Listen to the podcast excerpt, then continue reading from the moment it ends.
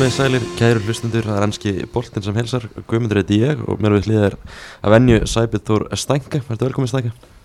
Takk fyrir það og, sæl komundur.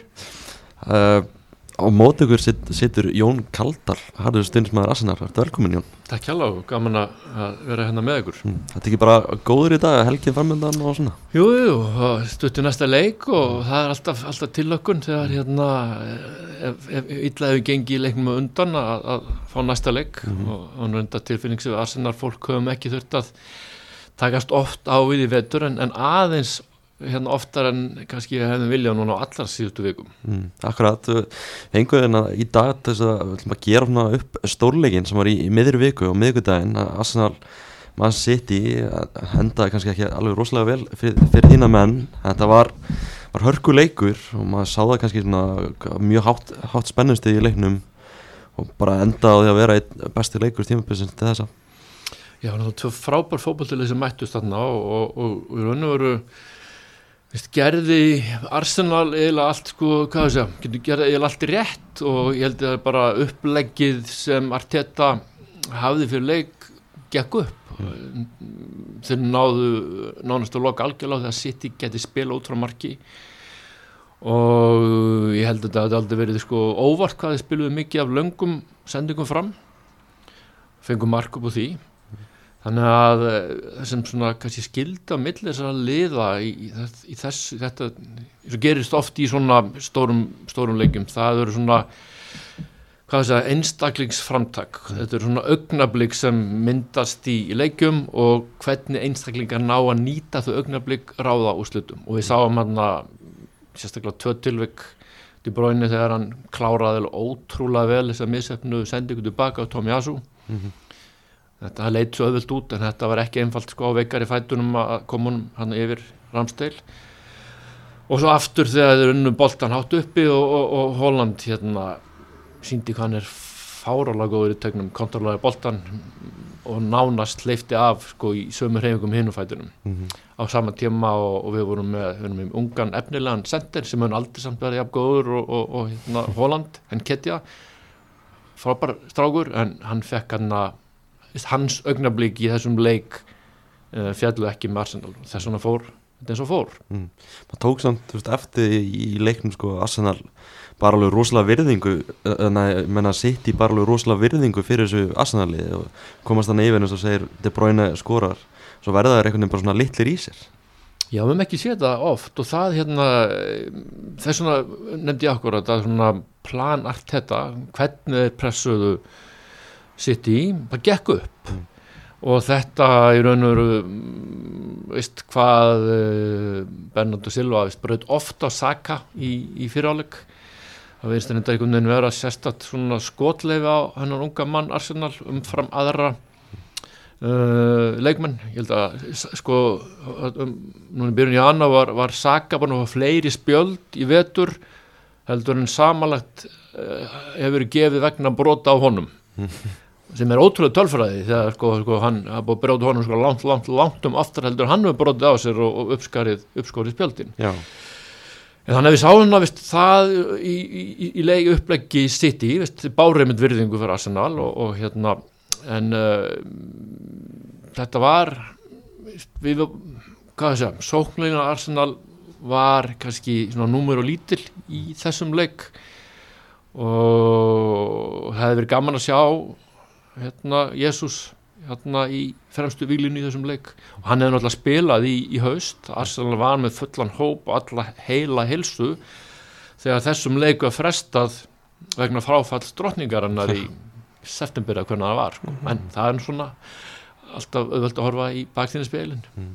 Við sáum það líka í fyrirálinum að Ederson var maður sitt í á svolítið mikið í sviðsljósunu og fekk hann að guldspjald fyrir að tefja 3015-3017 myndu bara segir svona svolítið mikið um það hvað, hvað svona litlir þeir eru eitthvað enn eftir að það komast yfir. En svo segir, maður hefur ekki séð þetta oft hjá, hjá City. Nei og það er nú tölfræði úr sem leik sem er með merkileg. Ég meina, City var með 34% hérna boltan fáheirt sko í, í, í hérna í leikjum undir stjórn Pep Guardiola bara almennt í saman hvað dildan við spila með hvaða lið. Já, sáum Jack Grealish í viðtal eftir leik á steinhissa á sig sko Já, þannig að það er, en það er, veist, við höfum líka, svo við nefnum hérna bara eitt annar lið sem er svona, mm, svona ekki næstu af gott fótballtalið en er eins og með frábara einstaklinga en, og, og þarf ekkit mörg augnablík til að klára leiki, það er Tottenham sem er með Harry Kane, Son og svona gæða sem geta, veist, þeir þurfi ekki, þeir geta verið í undir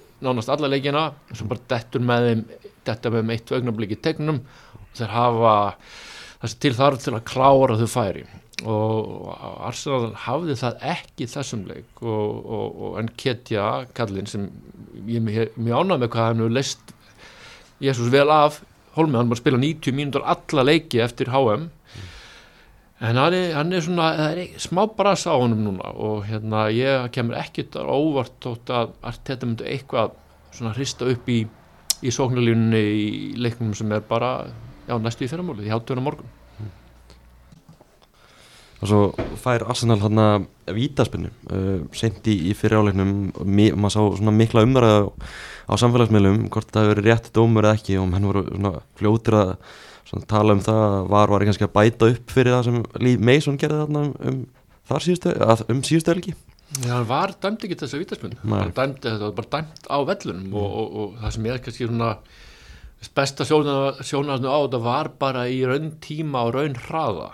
Að þetta leit, öfustu mörg brot þá leiti þetta skár út í endursýningun heldur í raun hraða. Því að Edison bara kemur hann út í vilt útlöp, áaldi sem þess að boltan og skjössamna straujar en ketja. Þetta er, þetta er alltaf verið brot út á velli og var bara réttilega dæmt vítaspinna hana og kannski, veist, eina sem sko við Arsenal fólk hefði viljað sjá til viðbúttar var að hann fengi sitt setna gula spjall mér, mér persónulega fannst þetta að vera vítaspinna og svona, þegar maður horfður á leikin þá fattaði maður ekki alveg strax á hvað maður var að dæma sko. en maður sá þetta ekki alveg just í raun tíma Snakka, fannst þetta að vera vitið það? Já, mér fannst það, mér fannst það rosalega óvandsamt að hann hafi dæmt viti en mm. bara að hafa séð þetta augnablík bara í fyrsta skipti, bara um leið já, þetta má alveg vera viti mm. og eins og, og segir Jón, mjögulega guldspjall líka Já, ég, þú veist, ég ótaðist að ég vonaði náttúrulega, náttúrulega, þú veist, náttúrulega ég vonaði að City myndi vinna leikin en, en, en það má alveg vera guldspalt, já, já og ég vona, þú veist, það sem ég tek út úr þessu, ég vona að þetta haldi áfram að vera vítaspilna, mm. af því að markmaður á að geta, geta komið út í svona hlaup þar sem hann ekki senst í boltan og broti á leikmanni sko. það, það sem hann hugsaði líka eins og nefnir Jón þetta hefði náttúrulega alltaf verið aukasmenn út af velli Já, það er bara ekki spurning og hugsaði líka spjald, þetta er bara e, þegar leikmann kemur á seint inn í mm anstæðingin skilur hvort sem hann hefur gefið boltana skotið og straujar hann, hann hefur ekki stjórn á aðstæðum og þetta átti allt við í, í þessu atvöki sko. hann er mm. mest þessi umræða, umræða freggar fljót afgreitum hvort mm. þetta verið vitið ekki og almennt bara sérfræðingarnir vera sammálum að þetta var háréttur dómur sko. Já, bara virkilega svona klauvalegt við þetta svona að bjóða upp á þetta Já, aðalega það sko, hann er náttúrulega svona hann er svona viltur markmaður mm líka kostur við hann. Ég er gríðara hrifin á þessum leikmanni. Mér finnst þetta að það verið besti markmur úrvastildarinnar með að menna undanfærin ár sko. Mm. En svo, þú veist, halvleikurinn 1-1 mann er svona, maður hafði á tilfinningunum sko, Arsenal væri bara svona liðið ágætlega voru búin að vera betri í leiknum heilt yfir. Uh, svo einhvern veginn í setnáleik í breytir hans til veist, fyrir fjögur manna vörd svo líður á, á setnáleikin mér fannst persónulega að það breyta svolítið í leiknum þannig að kannski kemur inn Bernardo Silva þarf ekki ennþá að leysa að vera einhver svona vinstri bakur að breyta, breyta svolítið leiknum. En Arsenal í, þessu setnáleik þeir voru svolítið sjálfum sér vestir. Já, þeir voru að tala um sko fyrir leik ég held að í viðtali var ramstilburður hvernig er upplegið hennar í aukar hálfu? Og þá sagðan bara allt þetta vill að við séum við sjálfur sem trúur okkar prinsipum og hérna og mér finnst það kannski einhver leiti Arsenal falla aðeins á þeirri hvað að stefnu. Uh, því Pep greinilega var ekki algjörlega trúr sínum prinsipum sko, þetta var þegar við erum með, með Holland sem er tæmla tverrmeðrar og, og, og frík sko, náttúru frík ekki bara einhver staur sem þetta neglu upp heldur tæknin og vinnusemmin er ótrúlega mikil í svo leikmanni.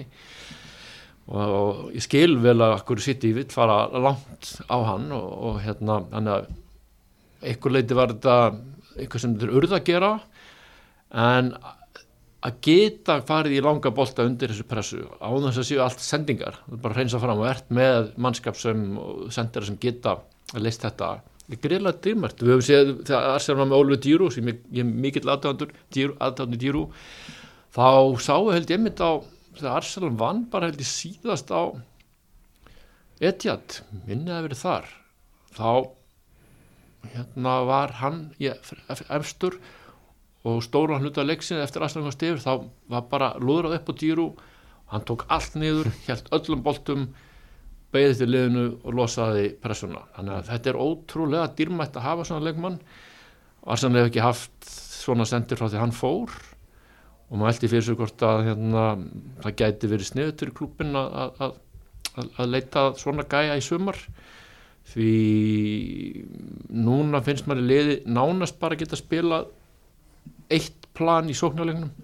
Uh, en Keti er núna uh, hann er núna hann er ekki hæfileikana til að gera allt það sem Jésús gerir. Hann er miklu meiri segja, refur í tegnum hérna, en er, hefur bætt hann gríðlega við sig sko, hæfileikum í að taka við bolta með bakið í markið.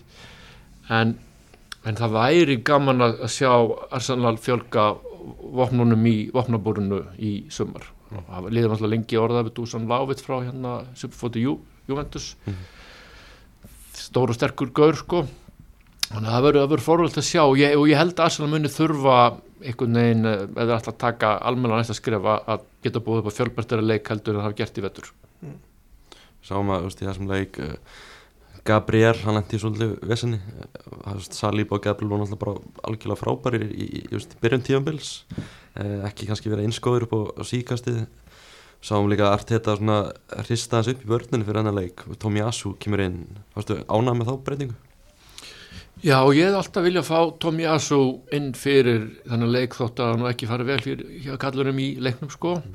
Tomi Asu er frábær í loftinu og betin Ben White þar sko og ég held að hann hefði í, í og meður hugsaði bara akkurat til að hjálpa Saliba í löngum sendingum mögulega háum um, Arsenal hefur ekki mjög mörg það segja, getur ekki breytt mikið til í vardalunni, ekki með miðverðuna uh, Rob Holding er, er frábær varnamöður lið, allar að verjast liggja aftarlega og verjast löngumboltum en uh, ef þú allar að spila eins og allt þetta vil að liði sér með boltan meira að minna þá er, eru þessi strákar tveir báðir mjög mun öflöri kandidatar. Mm. og svo er það Týrnei sem allt öðru í sí bakgröður heldur en, heldur en Sinchenko. Og, og það ykkur leiti getur við kannski skýrt svona vandræði Martinelli eins og líta út á, á, á hérna bladi með að hvað hann einangraði mikið á, á vinstravagnum týrunni að væri meira í hjálpenni þar. Þannig ég, það verður sko það verður frólægt að sjá hvort við, hvort hann gerir ykkur alvöru breytingar morgun. En það sem kannski sló mig mest við þennan leik er svona það leið á hann og fannst mér aðeins verið að búið á táknum hjá, hjá arsanliðinu Arteta hefur verið þeirri sko lúksustöðu að geta spila meira menn á 10-11 mönnum í allan vettur og hefur undan leiki algjörlega haldið tryggðið við saman byrjunlið, ekkert breytt nema vegna sko vandræða núna með partiðan, bara meittur, tók hórginju inn. En tímbilið er bara rétt hálnað og Európa-deildin hann að byrja hann verður að fara að rótera mannskapnum til þess að veist, bara viðhalda held ég. Hvað sé það hérna getur liðsins til að klára leikja fullu? Mm -hmm. þessi Bekkur í Arsenal, hann er samt ekkert eitthvað rosalega svona aðlaðandi og horfir á hann, kannski aðlaða bara trossart sem hann kæftur í, í januar Já, það, það er hluta þessu sem ég nefna með, með næstu kaupverða spennandi. Mm. vildu mjög vildu fullt, fullt af arsanastöðum fólki vildi að eða keftu sender eða fengið ykkur á láni. Menna, United sótti vegahors skilur ykkur allt önnu típan þeir hafðu þannig að hérna en Arteta sínd enn ketja treyð og hann stóð sannar löndið í, veist, var að skora hefur verið að skora, var að skora meira heldur en Jésús var að skora á hann mittist en, eh, en bekkurinn er frekar þunnskipaður og, og það er það sem kannski mesta áhugjumál er núna uh, framundan. Er þegar Európa-deildin bætist við veist, mun þessi hópur hafa þessi til þarf að, að vera í titilbártur fram á vorið. Og ég er svona, ég er pínu efasendur um það að, að, að sé bara sko power í það í þessum leikmannahóp fyrstu 11 eru frábærir en, en að keira þá bara endarlöst þessu hefur artið verið að gera ég held að liðið munu lenda á, á vegg fyrir undur setna vonandir það er það ekki það sem við séum núna, liðið ekki unni í síðustu fjóra leiki. Reynda náttúrulega átt að vinna Brentford eða ekki verið svindlað á þeim. En hérna, það er það er svona kannski mesta, mesta ávíkjumálið í, í mínum huga. Er, er, er, nú þarf allt þetta að fara að rótera meira. Mm. hvernig leiðir á, á miðjögundinu þegar að koma þessar fréttir að að partið væri mögulega ekki með og, og svona fjölgað alltaf hver, þeir sem voru að tala um það jökusturinn alltaf líkundur að hann væri mittur sko ég ég hefði minni ágjör af því heldur en margir sá ég af, af svona úr, úr, röðum okkar sem síða þetta lið. Því að mér veist hérna hvað ég segja horginni af mörguleiti er ótrúlega vannmetinn og einhvern veginn ég skilja ekki akkur fólk talar um hennar miklu mun. Mm. því við eigum bara sko tölfræði begja leikmannur á því vetur og er búin að spila í lélu tjálsiliði en hann er hann er með, víst, hann, er, hann er bolta, hefur náð bolta oftar á, á miðinu heldur en hérna partei í vetur. Hann hérna hefur unni fleiri tæklingar hann með seipaðan fjölda af sendingum og nýtingu af sendingum og hann með fleiri sendingar herri prosentu fram á við þannig að Horkinjó er, ég hafði ekki miklu ágjörn var, ég var gríðarlega sattur við við hvernig leistu þá, þá stöðu. Og hann var sannlega ekki veiki hlekkurinn á miðugundaginn hann átti að vera einn af bestu mönnum vallarins og einn af best, bestu mönnum Arsenal. Þannig að það tröflaði mig tröflaði mig ekki mikið maður tók eitthvað smá umræðu sérstaklega eftir hann að Advik sem uh, kemdi bróinu og Mikkel Arteta lendir smá saman. Það er náttúrulega fyrirlegt að Arteta var þjálfaði De Bruyne eitthvað þrjú ár hjá City. Uh, menn voru svolítið að tala um það að Arteta væri óþólandi og hitt og þetta því Arsenal menn hugsa sig kannski ekki þannig. Ég, ég fíla þetta, ég, ég vil sjá tilfinningar og hitta í, í mönnum og, og, ég samfærður um að, að eftir leik að De Bruyne og Arteta hafi bara fallist í famma og séu apgóði vinnur og, og voru fyrirleik sko. Og hérna, mér er bæðið það sem er gott að Arteta sparka boltarinn burtu er líka fínt hjá De Bruyne að þess að láta finna fyrir því sko, ekkert að að þessu. Það var bara gott augnablík all, fyrir alla Já, sko, já. Bruyne er líka þú veist, mynd og samfélagsmyndum eftir leik. Og var að kasta bjórdósum eitthvað í hann. Hann bara býr anyone það er gaman að þessu. Já. hann var náttúrulega síndið það líka bara í þessum leik að hann er örgulega besti leikmaðurinn í þessari deild. Hann, hann er stórkosluður stórkosluður maður já, það verður eiginlega alltaf skrýtnar og skrýtnar hann hafi ekki byrjað á móti tóttunum sko. já, leik sagði töpu komin á bekknum og taktíska breytingar sagði Pep þar. Hann er svona þekktur fyrir óhugsa hlutina sem er miklu mestari hann, já, mitt, komandi kannski inn á það. Hann viðkynni bara eftir leik að, að taktíkinn hafi bara ekki verið rétt hjá hann í fyrirháleik Já, það er, menn og þetta og með skrítið að það skildi setja Silva og Saka í, í þessu leik og í raun og veru breytist ekki sitt leikur sitt í til þess betar fyrir Silva voru að hæra vengin svona í, í sína stöðu og bara Ake tekur reyndar síðan Saka gríðilega vel. -hmm. þannig að það var ekki fyrir en eftir raun og veru leiðir eftir mistökin sem sitt í fóra að ná betri tökum á þessum leik. Það er svo svona, svona gott ef þú gerir mistök að það kostar þið allavega ekki að vera undir það er eiginlega ótrúlega sko. það, þannig veist, eru góðlið sem Já. hérna veist, eru ná, náleðir þetta og þjálfarinn líka nær að, að, breyðast við í, inn í, leiknum sko. kannski er svona eitt í viðbót með þessa ofugsun hjá Guardiola hann er svol- svolítið mikið í því sko. með Ruben Díaz hann er búin að vera mikið á bekknum og svona kemur inn í þennan leik og spila bara eins og algjör kongur sko. Já, þetta er, en þetta er sko það sem er líka gott hann hjá, hjá Guardiola, hann er að dreifa álæginu, hann er að fá menn hungraða inn af bekknum. Og svo er náttúrulega þessari fáralögu stöðu sem ekkert lið annað í deildinu nema mögulega tjálsir núna eftir komnum með sinn risa hóp að eiga bara tvö stórkostli lið sko, mannskapi tvö stórkostli lið. Og hérna hann að að hann myndi ekki nýta hópur sinn með þessum hætti þá það væri bara merkjum slæma stjórnun á, mannskapnum sko, í mínum huga. Algjörlega uh, Sigumarkið þessum leik, að markið sem kemur sitt yfir uh, það var Jack Grealish sem skoraði það frábær undirbúningur hjá, hjá Holland og, og Ilke Gundogan kannski fannst mér sérstaklega frábær sending hjá Gundogan, Grealish mögulega maður leiksins í þessum leik algjörlega frábær, hann hefur svona verið að taka skref fram á við í, í sittileginu Já, og það er hérna, hann ekki, er hann ekki næst stýrast í leikmaður úrstöðunar núna, Jú, núna breytist bara í, í í januar Já, Tjelsi eðslufyllir hérna kom með dýraði Grílis, ég er mikill aðdáðan Grílis, með það skemmtilegu leikmaður virka skemmtileg típa og hérna svona sympatískur bæði innanvallar og utan. Og, og Sindan skildi þurfa að skora með Arsena því ég hérna mér, dreymdi nú á sínum tímum að Arsenal myndi ná í hann frá Aston Villa. Að það, það gerist ekki.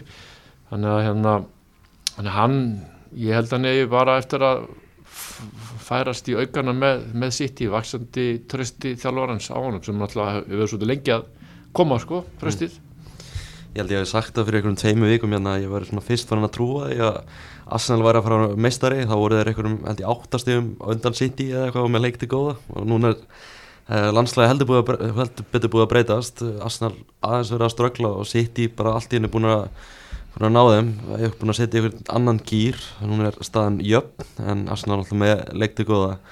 Uh, hvernig bara svona líst þér á, á framhaldið akkurat núna? Þegar staðan er eins og hún er og staðan nóg eftir?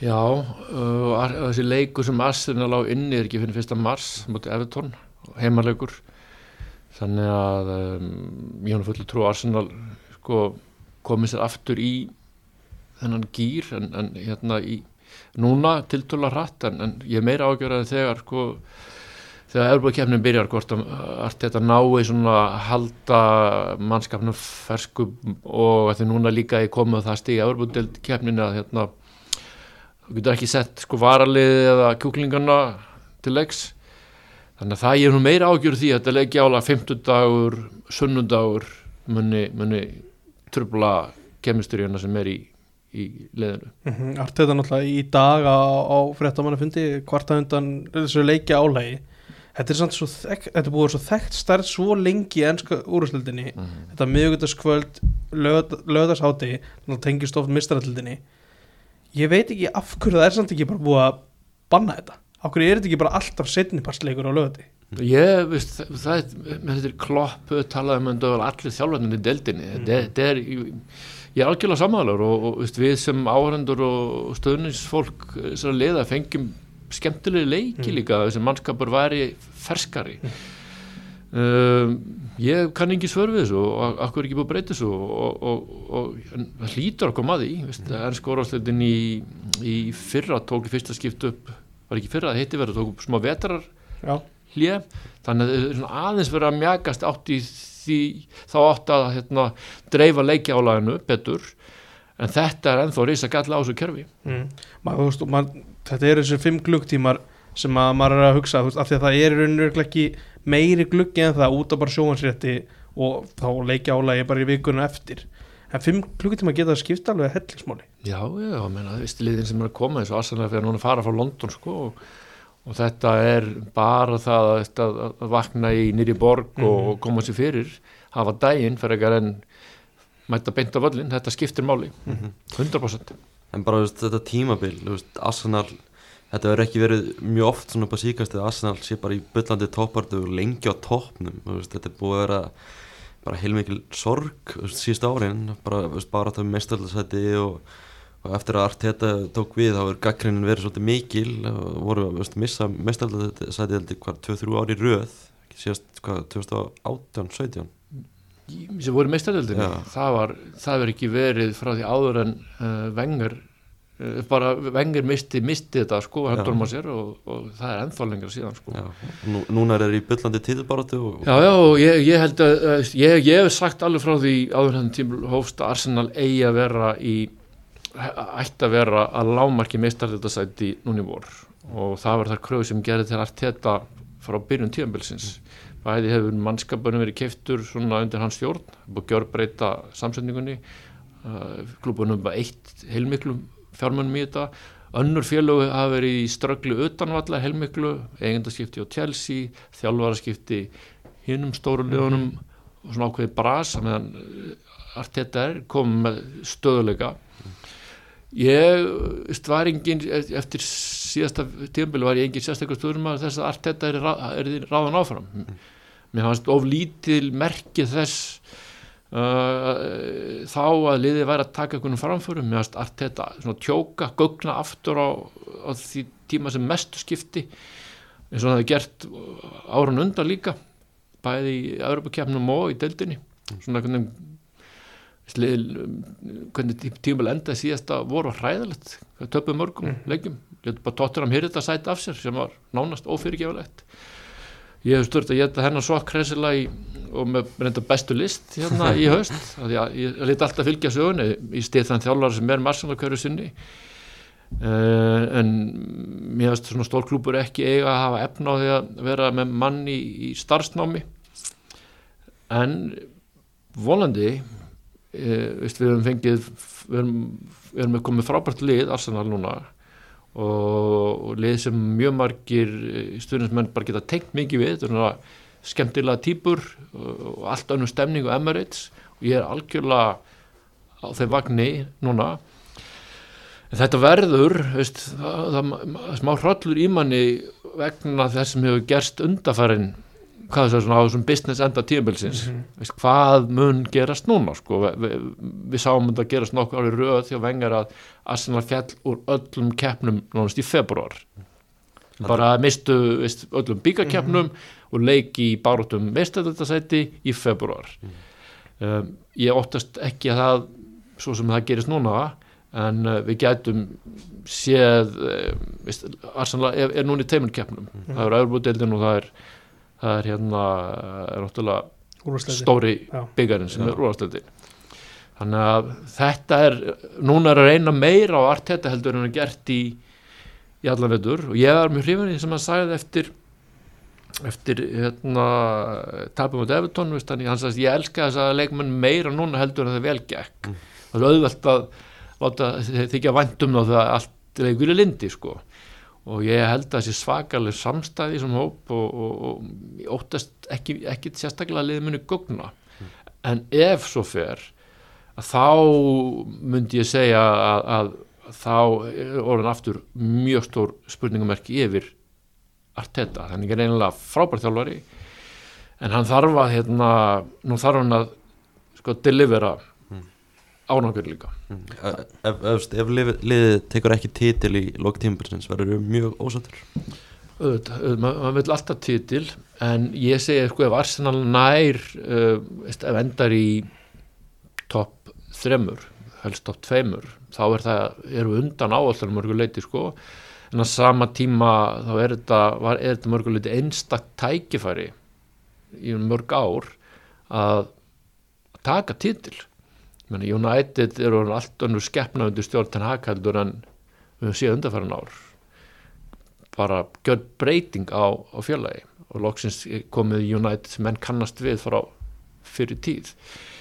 Uh, Klopp, ég hef ekki trú á Liverpool í annað eins tímabil og núna, það er bara getur ekki gerst. Nema svo sem að finnst ekki nýjur eigundur og verði eitthvað vesen utanvallar Graham Potter mun sauma saman gott lið úr þessum mannskapja Chelsea.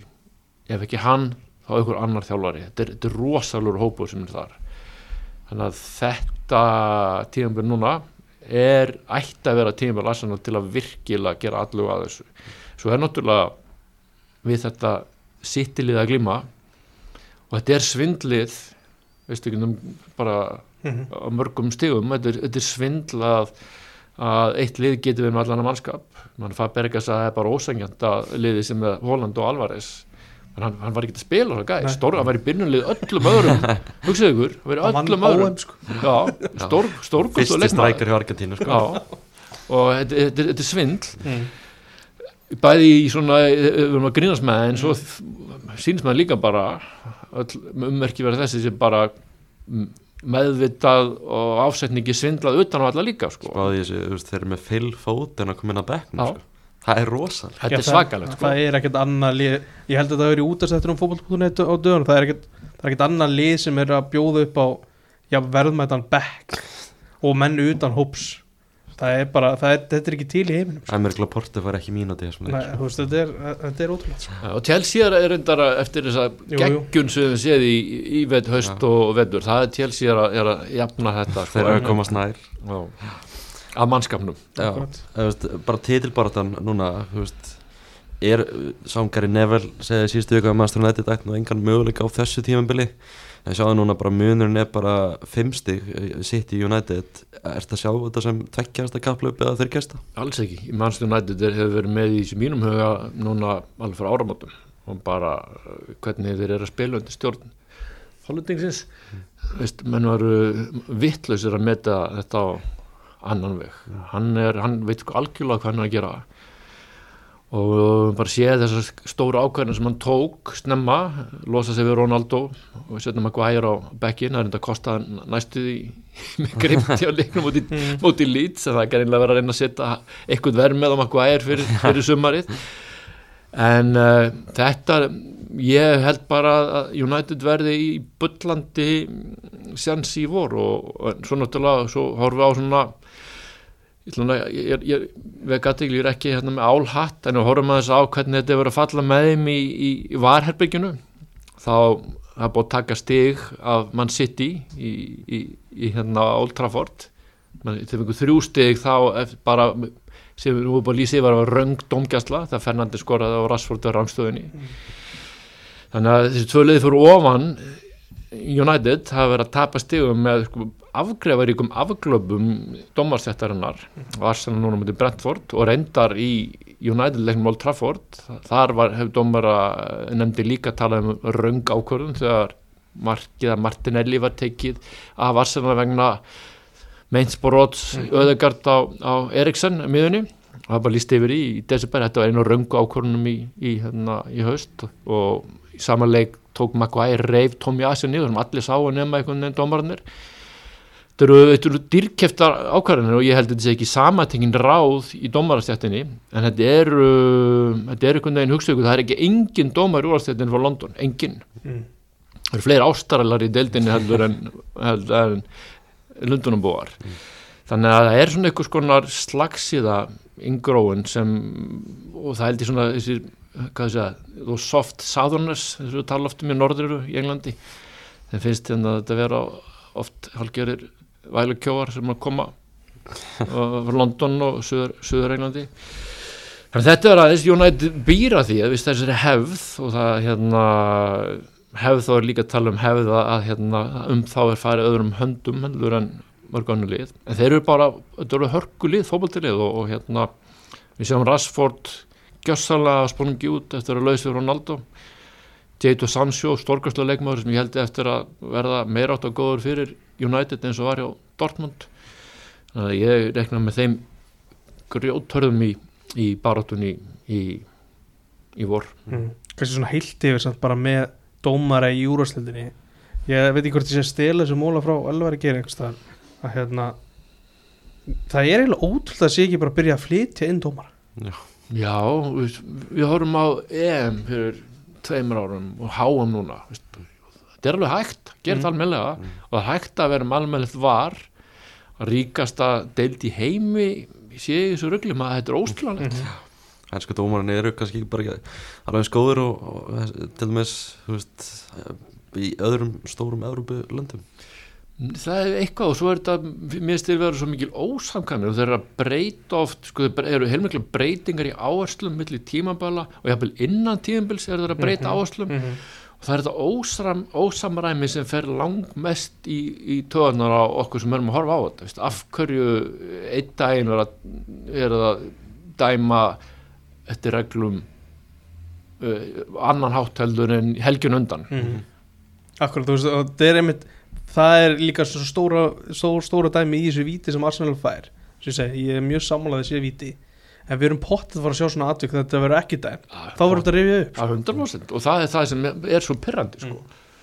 algjörlega uh, kannski þessi tengum, við vorum ekki að fara að ræða eitthvað einhvern enskan var, það var ekki vardómari frá Englandi þegar það var enns dómartemi í vikunni. Jú, kannski, áður en kannski förum alveg frá Englandi, Já. er Lee Mason á, á píluspallinu heima að þér? Vistu, hann hefur verið það lengi það er hérna það, það er rifjað upp sko, ummali að sem vengar ég held það var eftir sántúrleik það sem Lee Mason var að fara algjörlega kostum í ruglunu ég held að það er veturinn 2015-2016 sem vengar sko, herðist eftir leik kalla á Lee Mason akkur þarf þetta alltaf að vera svona hjá þér? Við þekkjum þetta því miður þekkjum þetta alltaf vel hérna stuðnisfólk Arsenal. Lee Mason hefur hefur einhverju sögum verið okkur mjög óvil hallur eða liður okkar. Þarna var það sannlega móti, móti Brentford um síðust helgi en hann alltaf leiki í meistaröldinni líka í, í miðri viku. Þar var kannski svona aðtiklisvert að þegar Bayern og PSG mættust í, í stórleik var ekki Anthony Taylor með flutuna Michael Oliver, Jú, Anthony Taylor. Hann- uh, Michael Oliver. Michael Oliver með flutuna og sem, allt dómarateimið var ennst nema aðal vardómar hann var frá Pólandi hann það var augljóst að Júfa treystir ekki ennskum vardómarum sko.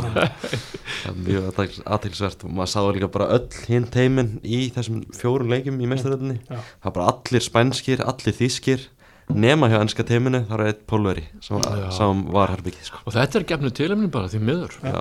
Mjög skiljanlegt maður svona pælir í hvort þeir hafa tekið ákvörðuna eftir svona helgina um síðustu aðið þá þurfti ennska dómarasamband að senda eitthvað tvær afsökunar bennir og hefði í raun átt að senda þrjár að í Chelsea átti líka að fá vítaspinni hana mm. en dómarnir er ekki alveg að standa sig á Englandi um, en við bara þessi Bayern PSG leikur uh, Mhm. Bayern alltaf fyrir til Parísar og vinnur 1-0 Uh, mikil umræðum Neymar og Messi eftir þennan leik. Þeir fengu báður heldur þrjá í einhvern hjá L'Equipe sem eru Já, það, er, það er yfir fjölda kílómetrar sem þeir hlupi í leiknum Já, já, það er löppuð í leiknum. Löppu í leiknum. En þeir hjá L'Equipe eru grjótarir einhvern veginn sinni.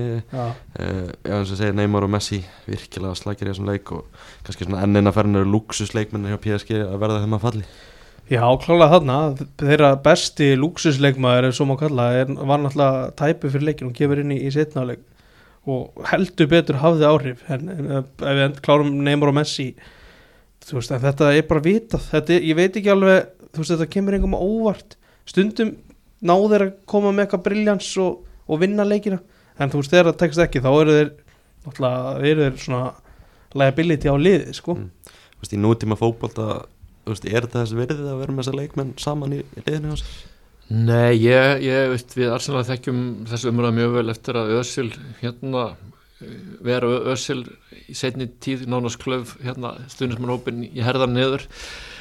Ég held þetta sé um, bara akkur þetta nútum fótboltum býður ekki upp á þetta og verum með tvo svona í tótkomin í á þetta stigi mestadöldinni er bara of dýrkjöft og, og fórum aftur bara í United sko þá Ronaldo sem er algjör lúksusleikmaður það var eiginlega ótrúlega að United skildi kaupa hann því að öll tölfræðin frá veru hans Juventus var á það leið að þetta er ekkit stórlið að taka hann sko. Því að jú, hann skoraði cirka jafn mikið hann hafði alltaf gert en sóknarleikur Juve annara hrundi. Hann tók sinn fjölda af skotum reynd, og, en, en svona hann hann fekk allar sendingarna nánast. Bara aðrir fengu ekki nánast boltan í framlunni og við sáum ekki hvað gerist eftir hann fór hérna matið, hvernig Benzema sprakk út. Veist, hann hætti að þurfa að vinna vinnuna svo Ronaldo, Benzema. Þannig að og vera með tvo leikmenn í, í einu liði sem aðrir þurfa að vinna vinnuna fyrir, það bara gengur ekki upp á þessu stíði það er rosalega mikið lagt á herðar liðsfélag þeirra sem eru átta útileikmenn sem þurfa að hlaupa þú veist, allavega allir auka kílometra fyrir þá sko, það er rosalega mikið. Maður sá það kannski bara í þessum leik það er svona erfitt að horfa Messi spila fótbolta því hann er svo latur sko. Hann er besti leikmaður sögunar en er gríðalega latur, Neymar er það líka og það er alveg ennþá meira pyrrandi að horfa hann að því hann alltaf dettur mikið í jörðina og veltur sér mikið og það er alveg bara ótrúlega, náttúrulega- Já, mínu að þetta verður náttúrulega miklu verra að horfa á Neymar. Já, Ég veit ekki alveg, þú veist að því að, að, að Messi hefur hann hefur, þú veist, Neymar hefur svo sem unnið langflest á ferlinum. Messi hefur unnið ennþá meira og, og sýnir það líka þegar hann þú veist, þegar hann tikkar on hann getur alveg, þú veist, varist með. Hann er ekkit frábær í vörð með arketiska liðinu þegar hann fær að vera þessi vera þessi sín típa þá er hann náttúrulega frábær. Mm. ég held að hjálpa honum ekkit rosalega að sjá hvern annan vera röldi, þá þarf ég ekki að gera neitt sko. En það var náttúrulega að ma- maður sá hvernig argentinska liðið var byggt í kringum Messi, það ætluðu allir þar Mhm. að taka upp þann slaka sem hann gefur í, í, í varnamunni og er nú líka bara skynstæli þá á hann orku til að gera það sem þarf upp á eftir þegjum og, og sem hann síðan skilaði en að vera með tvo svona og ég held að Neymar bara, ég held að sko, ég er ekki vissum að sko Messi gæti spila leiki á veist, alveg á fullu Já, hann heilan getur leik. ekki ég held að bara geta ekki lengur. En Neymar gæti það og það er það sem pyrra mann sko svakalega. Þessi gaur gæti alveg hlaupið og unnið hann er bara, hann er í sínum huga jafn mikil stórstjórn Messi og ætla líka að fá þjónustu frá liðsfélögu sínum eins og Messi, gengur ekki upp. Það er líka rosalegt þessi ego í liðinu Mbappe og Neymar þeir eru svona virðast þeirra að kýtast heldur mikið Mbappe kom inn á í þessum leik breytti svolítið leiknum PSG voru, voru miklu betri eftir að hann kom inn á Ég held að PSG og hans svolítið tals, talsverð starra Já. hann Neymar sko. hann, hann, ég held að hann finna alveg fyrir ábyrð sko, svolítið mikið maður sagði líka, veist, Mbappe talaði um það í fjölmjölum eftir leik að held að menn myndi næra sig vel og sofa vel fyrir setni leikin að Neymar svaraði því með því að fara á pókermót daginn eftir og fóð svo á McDonalds. Þannig að, hann hlustaði vel á liðsfélagi sem þar. Ekki, ég myndi ekki vel hafa Neymar í mínu lið óþólandi leikmaður. Og þú veist, Mbappe er svona svolítið mikil völd eftir samningin sem hann skrifaði undir síðasta sumar. Uh, held að hann sé næst launastur núna eftir Ronaldo. Uh, og hann er svona sem er ótrúlegt. Hann það laun sko. Það er ó- sannlega ótrúlegt. Og hann vill losna samt við Neymar. Og ég held að það er bara rétt fyrir PSG að gera það að losa Neymar næsta sumar. Neymar hefur verið orðað við Chelsea. Mm. hann er orðað við Chelsea núna. Todd Bowley að taka fund með eigundum PSG ég vona að fara Já, og svo er einhver svona er mjög veikir orður og maður alltaf að einhver Mbappe tengingu Master United út af þessum yfirvonandi kaupum Katara. Það getur verið eitthvað tenging Já. það er náttúrulega ótrúlega langsótt en þetta er samt eitthvað svona einhver smá umræða sko Já, ég bara segi Guð blessi Chelsea ef Neymar fyrir hanga sko. en Todd, Bowley er nú- til alls, alls líklegur að gera eitthvað í þessum málum sko. um, pældi líka í þessum leik með bæjan sko, með tjúpa mótingana fremstan. Hvað hefðu skorað mörg mörg með Lewandowski í legin já, það hefur verið fleiri en eitt. Það er fleiri en eitt. Þeir, þeir sakna náttúrulega bara Sadio Manni þannig að það stýttist í hann. Og náttúrulega bæjan bara í, í frábærum málum fyrir setni leikin sama kvöld Tottenham AC Milan það endaði líka 1-0 fyrir AC Milan á San Siro. Maður hugsaði svona eftir á kannski bara fín úslit fyrir Tottenham með hvernig svona liðið var stilt, upp. þú veist, fyrir fram að og sér miðjuna með sarr og skip á miðjunni. Ég held að þetta er svona 2-3-0 fyrir Milan. Já, en þeir slupp ágætlega og voru svo sem allt í lægi uh, tóttunamenn það var, ég held að Son og Kulusevski hafi verið mjög dabrir sem að í rauninni er, gerir þetta ennþá betra að þeir töpu með einu marki sko. já, Son búin að vera mjög slagur á, á þessu tímabili. Já, mjög ólíka sér. Er náttúrulega einn af allra bestum leikmennu úrvarsleildan undanferðin ár. Og Kú- Kúlus Eskil frábær sko. En þeir voru, ég, ég, þetta er leikurinn sem ég sá í mestaðildin mm. þessari viku og hérna og ég samála þeir tóttunum bara komust ótrúlega vel frá þessu. Ungu mennir á miðun hjá þeim hérna gáttu farið úr þessu leik með haldið höfuna hátt? Já, og ég og Ingemar fögnum eftir leik ski, ski, á skiplestinni skiplestir maður. Uh, Svo dagurinn eftir það náttúrulega Benfica, þetta var sama kvöld og mann sitt í Arsenal og Chelsea Dortmund var líka. Benfica Klub Brugge, þetta er auðvitað mest í Európa-deldarslagur sem ég séð í 16. úrslutum meistardeldarnar uh, kannski óþur að ræða mikið. Benfica vinnur 200 útivelli og er bara komið áfram. Og talaður um að hafið séð þá náttúrulega sá örgulega enginn annan leik. Nei, sá er lengi þennan leik. Og maður veltaði fyrir okkur áðan hvort þetta hefði verið mögulega minnsta áhróf í, á leiki í meistardelni, úslagjandi meistardelina bara í sögunni. Að minnst það góð kenning sko. Það er ekki ekki góð kenning sko. Gæti alveg verið. gæti alveg verið. Uh, En Chelsea Dortmund uh, Örgulega einn besta frammeðst að Chelsea frá Graham Potter tók við. Uh, voru svona sterkar aðlega og skapa sér hættileg færi en liði enda samt að tapa leiknum. Já, maður var svona, ég skipti þarna inn á stundum á milli sitt í Arsenal og svo yfir á þetta sko. Og bara já, Chelsea voru virkilega góður og voru eiginlega betri í sittnáleik heldur en voru í fyrirleik en samt fáði marki á þessu þar. Mm. svona smá klöfulegt hvernig þetta gerist alls Já, og náttúrulega kemur eftir hotspinnu sem Chelsea á Mm. uh, enda, endur á því að Enzo Fernandes er í eltingaleik við Karim Adiemi ég held að það verður mjög ójafn leikur. Það- Já, Múdrik var eitthvað skrítin í þessu aðri Já, hann er svona, einhvern veginn gefur þetta gefur eftir, eftir einhvern veginn. Það kan að spyrja það út í mútryggjón náttúrulega Arsenal var að eldast við hann mjög mikið í janúar, endar í Chelsea. Mjög svona óvænt, gerist snögglega. Uh, hvernig svona lístur á hann fyrir Chelsea?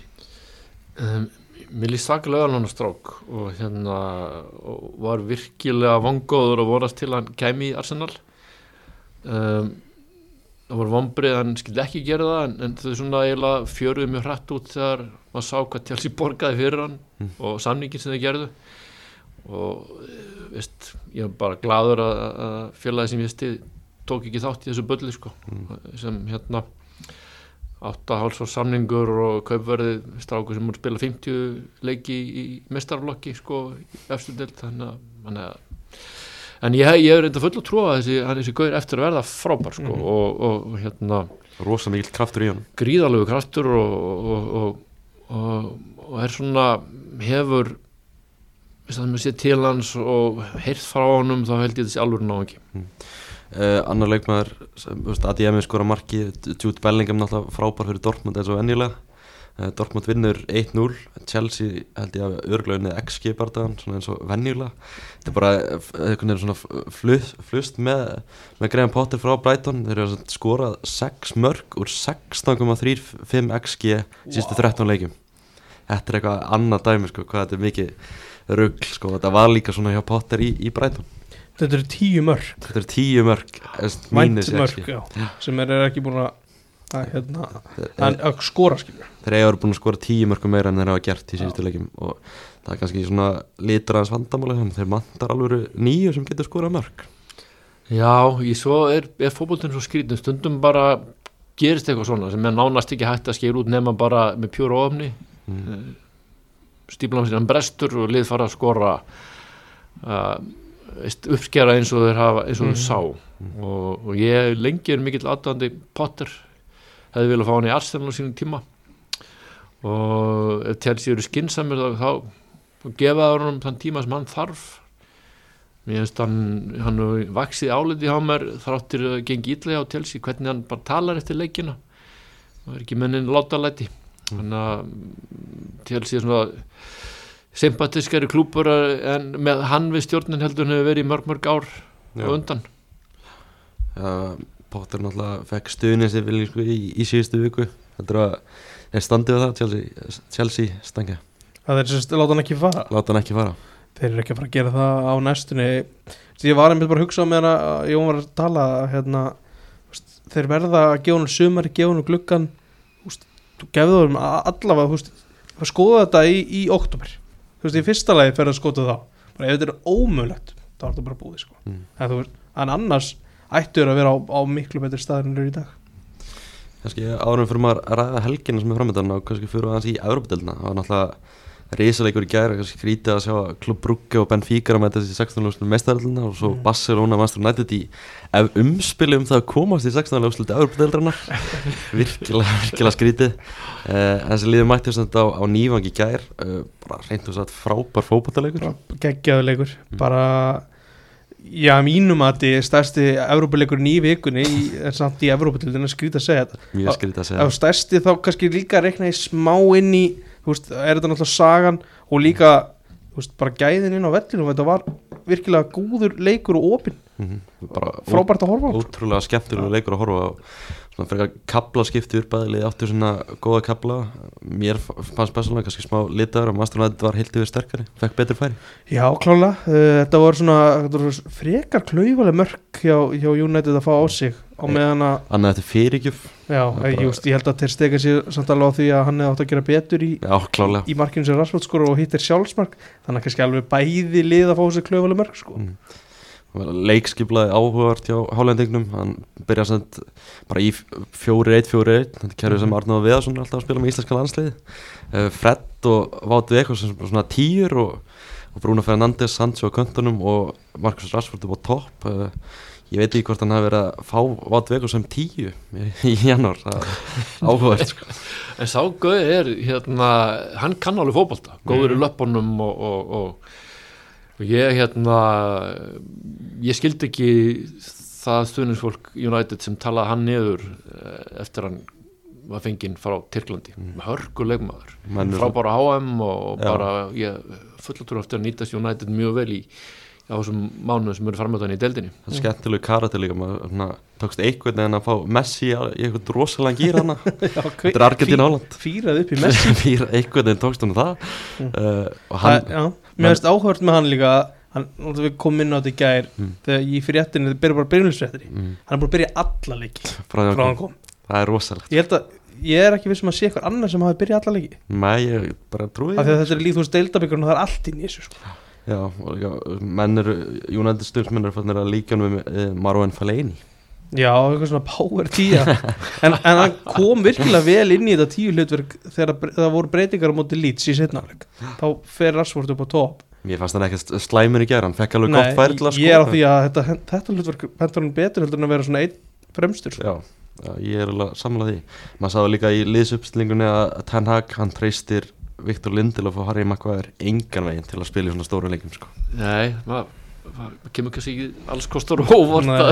að, tröstu sér ekki mikið þar Nei, Það byrja náttúrulega með Luke Shaw í, í, í miðveri sko. það hefur ekki klikkað hingað til og það var bara flottur sko. Já uh, Þarna Marcus Rashford Því lík framistæði honum skorar og á stóran þátt í öðru markinu Búin að vera algjörlega magnar upp á síkasti eftir HM sérstaklega uh, Hann er búin að jafna sinn, sinn besta markafjölda Mm. og, og það er februar Hann er aldrei skorað uh, meira en hann hefur gert akkurát á þessum tímabundi og menn, uh, menn úr, ég fór svolítið að velta því fyrir mér í gær er hann besti leikmaður í heimi akkurát núna? Ég myndi kannski ekki taka svo djúft í, í árunni en, en Rashford er frábær og, og hérna hann var orðað, hafi verið orðað núna við Arsenal Arsenal á að gera allu að ánum að hann er ekki samningunum hans renn út eftir rúmt ár. Jú, 2024 hann er sendingar svo og þetta er ekki fyrsta skipti hann átti alveg glata tímabölu fyrra. Mhm. og þá var talað um Arteta hefði mikið ná að fá hann til Arsenal. Og ég bara sagði bara please please hérna reyna að kaupa hann. Að ég, með þessi strákur er frábær fótboltamaður. Og líka þessi karakter sem Arsenal hefur verið að dálítið að sanka að sér þeirri gerð. Hérna hann að hann er örgulega topp þremur, ég veit ekki hvort hann hérna, því svo besti en hann er algjörlega bara á hábúndi síns ferils núna Mm. og frábær vitnisbörður um, um, um getu þjálfara leðsins, hvernig hann er búin að taka hennar strák og byggja hann upp eftir sko, hörmungar segja, líka stemningu innan úr röðum stöðnöfmanna Mhm. United í fyrra Já, hann hefur farið úr því að vera bara alveg vonlaus, menn er búin að missa algjörlega uh, trúna á honum ég held ég hafi verið þar alveg líka sko Mhm. og bara eins og ég segir örugglega- eins og segir auðvitað top 3 besti leikmaður í heiminn dag Já, maður var farin svona, þú veist, þegar hann var að fá færi hann væri alltaf að fara að klúður maður, Mm. maður svona komin á mótunum bara að sjálfkrafa út af í rauninni þú veist, ég veit ekki að að, að það gekk bara ekki alveg upp hjá hann það var líka bara að fara í tögunar á mörgum hvernig hann var einmitt bara utavallar þú veist, hann var að gera frábæra hluti utavallar, það er engin að taka það á honum að, að hérna að hjálpa til í, þú veist, var hann ekki að borga máltíð fyrir krakkir skólum Mhm. og svona alls konar, bara mjög jákað hluti en á meðan á þeim tíma var hann einhvern veginn ekki að skila inn á vellinum og þá fórum menn svo að tengja saman einbettur á boltarm og eins og það, þú veist, eins og þetta sé svo einfalt sko. Já, Já, þessu við vitum maður ekki en, en hérna alltaf bara umgjörðin uh, kringum lið og, og veist, hlutverk leikmanna í leikskipulagi skiptir máli Akkurat það var bara veist, skemmt epli í tunnunum var Ronaldo. Það, er, það var þannig Já. ég var hans helsti stuðnismæður meðan hann var í United vildi sjá hann og, og Ma- Maguire í, í start í öllum leikjum sko. mm, maður Já. sá það líka, þú veist, Ten Hag hefur alveg sagt það núna og ég man ekki hvort hann sagði það sjálfur svo sem einhvern tímann ofinbella í veist, hann sá þetta allt í honum veist, hann hafði bara trúna á honum og, og veðja á hann sko. Jón, varstu brjálaður þegar Piers Morgan Arsenalsturnsmaður tók viðtalið við Ronaldo og losaði hann eiginlega frá Master United ég ekki þannig að ég er, ég er sko ég er, ég er, ég er ekki aðdáðandi þess að tekja leikmanna ekki, ja, hvað sé það, leikmanna í fjölmjölum og og Ronaldo, og Ronaldo einhvern veginn stórkastlur fótballtamaður en, en, en mér finnst hann ekki að virka sem spennandi karakter Mm. uh, ég stundum sko borðið hann saman við Slatan sem hefur spilað fram eftir aldri en Slatan er svo bara klár hann, hann er náttúrulega bilaður egoisti eins og Ronaldo en hann fattaði samt að fótbolti er liðsýþrótt Mhm. og, og hann hafði ákveð hlutverk fyrir AC Milan og hann leik stort hlutverk í þessum titli í fyrra, Slatan hann er bara svo stór, hann gerir menn stóra í kringu sig uh, stækkar þá. En veist Ronaldo hafa þverju áhrif inn í, inn í hérna Hope United. Og það er kannski það sem er verst í þú ert, ert í sporti í fótbolta það sem margir þurfa að vera einhvern veginn tósi sömu átt. Þannig jú, ég var, ég var ekki en vist, Mor, Piers Morgan ekki tekið þetta vit það hefur ykkur annar hann hefur notað annar fjölmjörnumann til að, að- spenna upp dittnar og, og losna frá United. Já, Pírs Morgan hafði allavega rosalega gaman að þess að það sást langa leiðir. En stengja, þú þurftir að setja topp þrjá bestu fótbollmann í heimi akkur núna, hvað hvernig myndir ræða henni niður? Bestu fótballmenn í heimi. Já, bara um, akkurat að þessu augnablík uh, Benzema. Mm. Númer þrjú, nei, ég held að myndi setja hann efstan setja næsta á Mbappe Mm. uh, hann er ah, Mbappe kannski akkurat núna. Jú, jú Mba- Mbappe og svo myndi ég sennilega setja De Bruyne. Mm. Já. að þú veist þetta, þetta, er, þetta er ótrúlega erfitt. Þú veist, mér langar alveg að vera United komin og segja bara Rashford en ég horfa kannski aðeins meir en eitthvað bara mörk, mörkinu þetta telja alveg fáralega mikið. Mm. þarf það að skora mörk til þess að vinna leiki sko. Gestur Rashford á toppin já, já, klálega, hann er þarna ég, ég set hann í fjóraðsæti uh, Tenag var aðeins, maður sér þetta ekki oft hjá Tenag en hann var svolítið pyrraðar á dómarunum eftir leik. Það er kannski smá rétt að sér. Uh, já, það var þetta atrið hérna með Jules Kunde mm. það hérna var hvað, þegar hann fer, fer aðeins aftan í, í Rashford og, Mm. og og vantarlega í skoðunni var þá sést að þetta sé fyrir utan teg og að þetta sé ekki nóga verðskulda rautspjald þannig að þetta er, það er ekki þetta að gera. Tenag vildi nú fá, fá rautspjald á þetta. Akkurat, ég held að þú veist niðurstaðan sé hefði verið aukarspenn og guld eftir einhverja skoðun en, en uh, við vildum sjá raut uh, Jón, hvað er svona Tenag, hann tekur náttúrulega við United í, í, í sumar. Finnst þér hann svona að vera á góður leið með þetta United lið? Já, bara engin spurning. Og, og svo ég bara eiginlega kannski komið inn á hérna fyrr í, í okkar spjalli Mm. minnst hann að gert allt rétt og, og United verður í mistardöldinni næsta haust og það er bara frábært að koma með á svona gull, naja, já, ég mun meina bara nána skull triða þar inn Mm. mm. því ég- þeir mun ekki hann, hann þekkir að vera með lið í titilbaróttu komna langt í Európu og þannig að ég held að hann hafa alveg hausinn og karakterin til að klára það, reynsluna og og United bara eru mættir aftur. Og þeir verða ég get alveg meistarar í, í vor. Yngi, yngi spurningi mínum huga. Og eru líklegir í Europadildinni ég held að klári los, losi Barsa út. Og það er meirinn að segja að taka liði sem er efstila líka og, og koma þeim úr dildinni og þá eru þeir bara strax orðnir með sigur stránglegustu liðum í, sem eru eftir í 16. úrstöðunum Stangið, þú eru á, á setnilegnum á Old Trafford, ekki spenntið fyrir því? Jú, ég ætla að sigla þessu heim Sigla þessu heim, Já. það líst vel að uh, kannski annars bara Európa-delni uh, bara stutt Mourinho í smá vesinni hann tapaði á mútið Salzburg í ger Já, Bellotti klúður einhverju alveg dauða fyrir Já, þessu þeir róma í vesinni uh, kannski ekkit annað mikið að nefna ég Nei, það var, þarna Juventus gerði jættil og mútið nátt Mm. sem að er fyrirfram mjög óvænt Mm. uppbúta tíma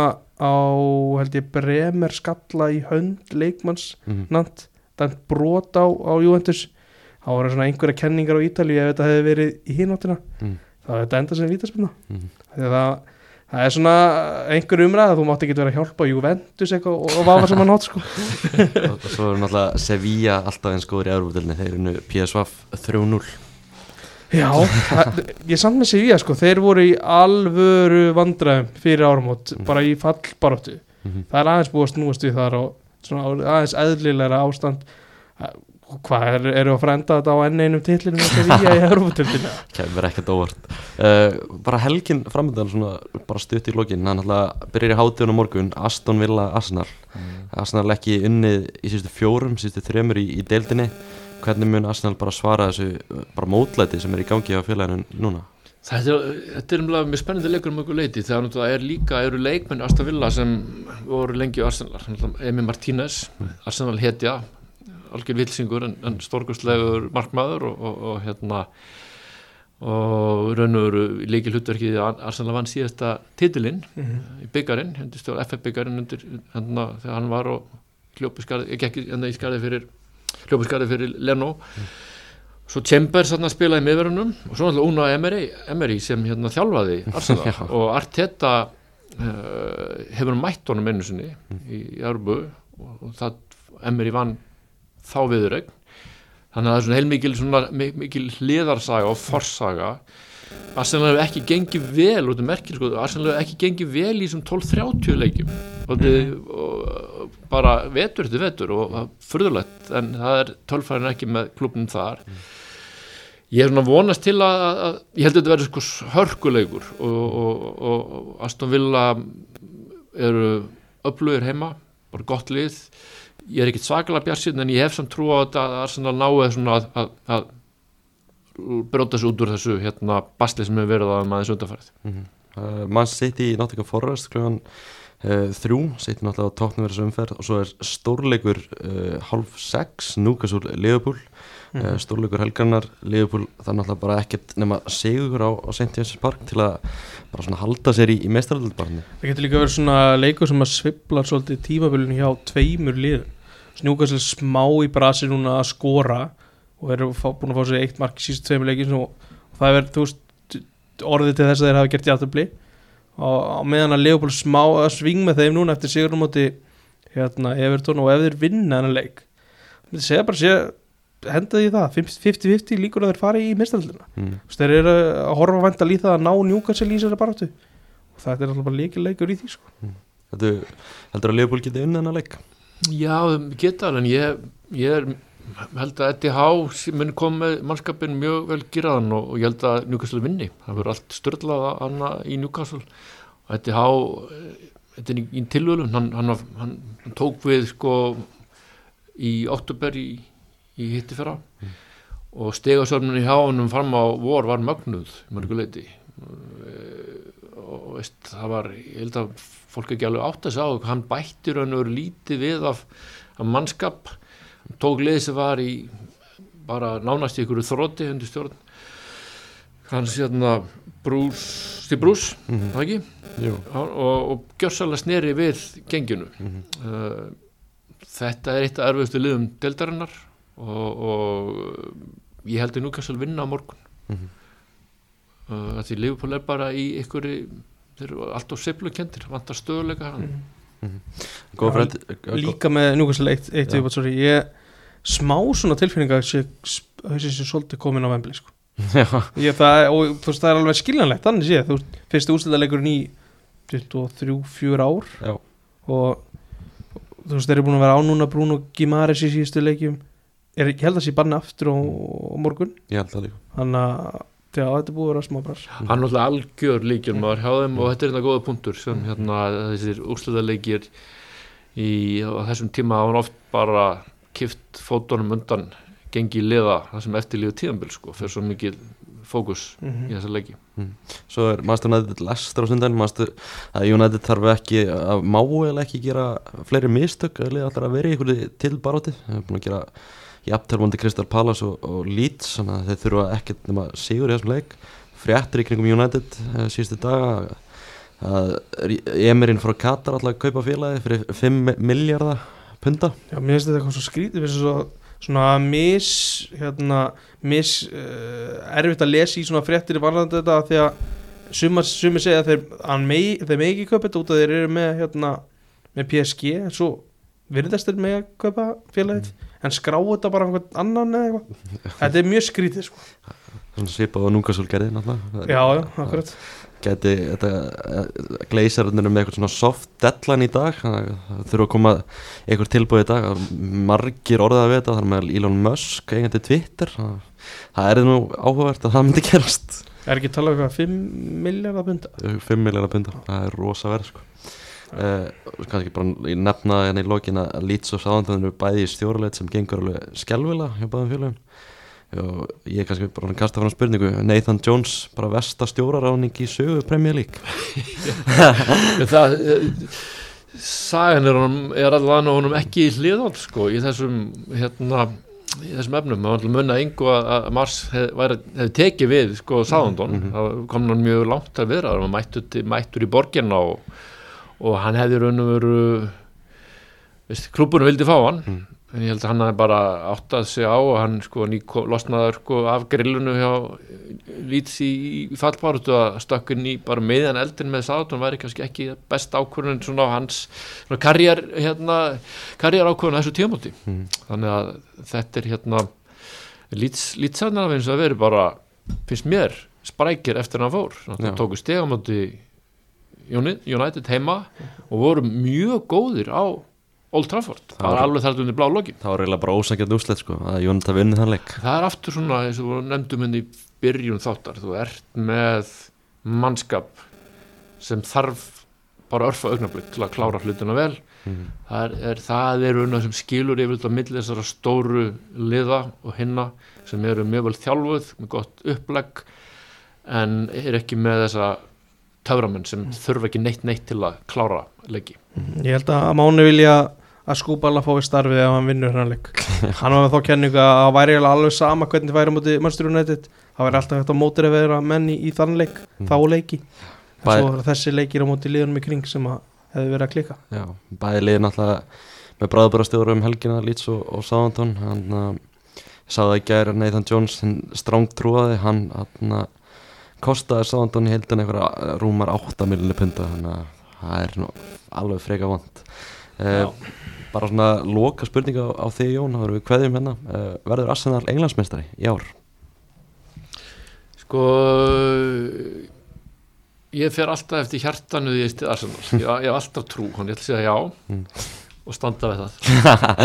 Ég held að þessi komið þá bara takk hérlega fyrir að koma, virkilega gaman að fá þig. Takk fyrir mig og sumleis gaman að spjalla við ykkur, góða helgi. Skoða helgi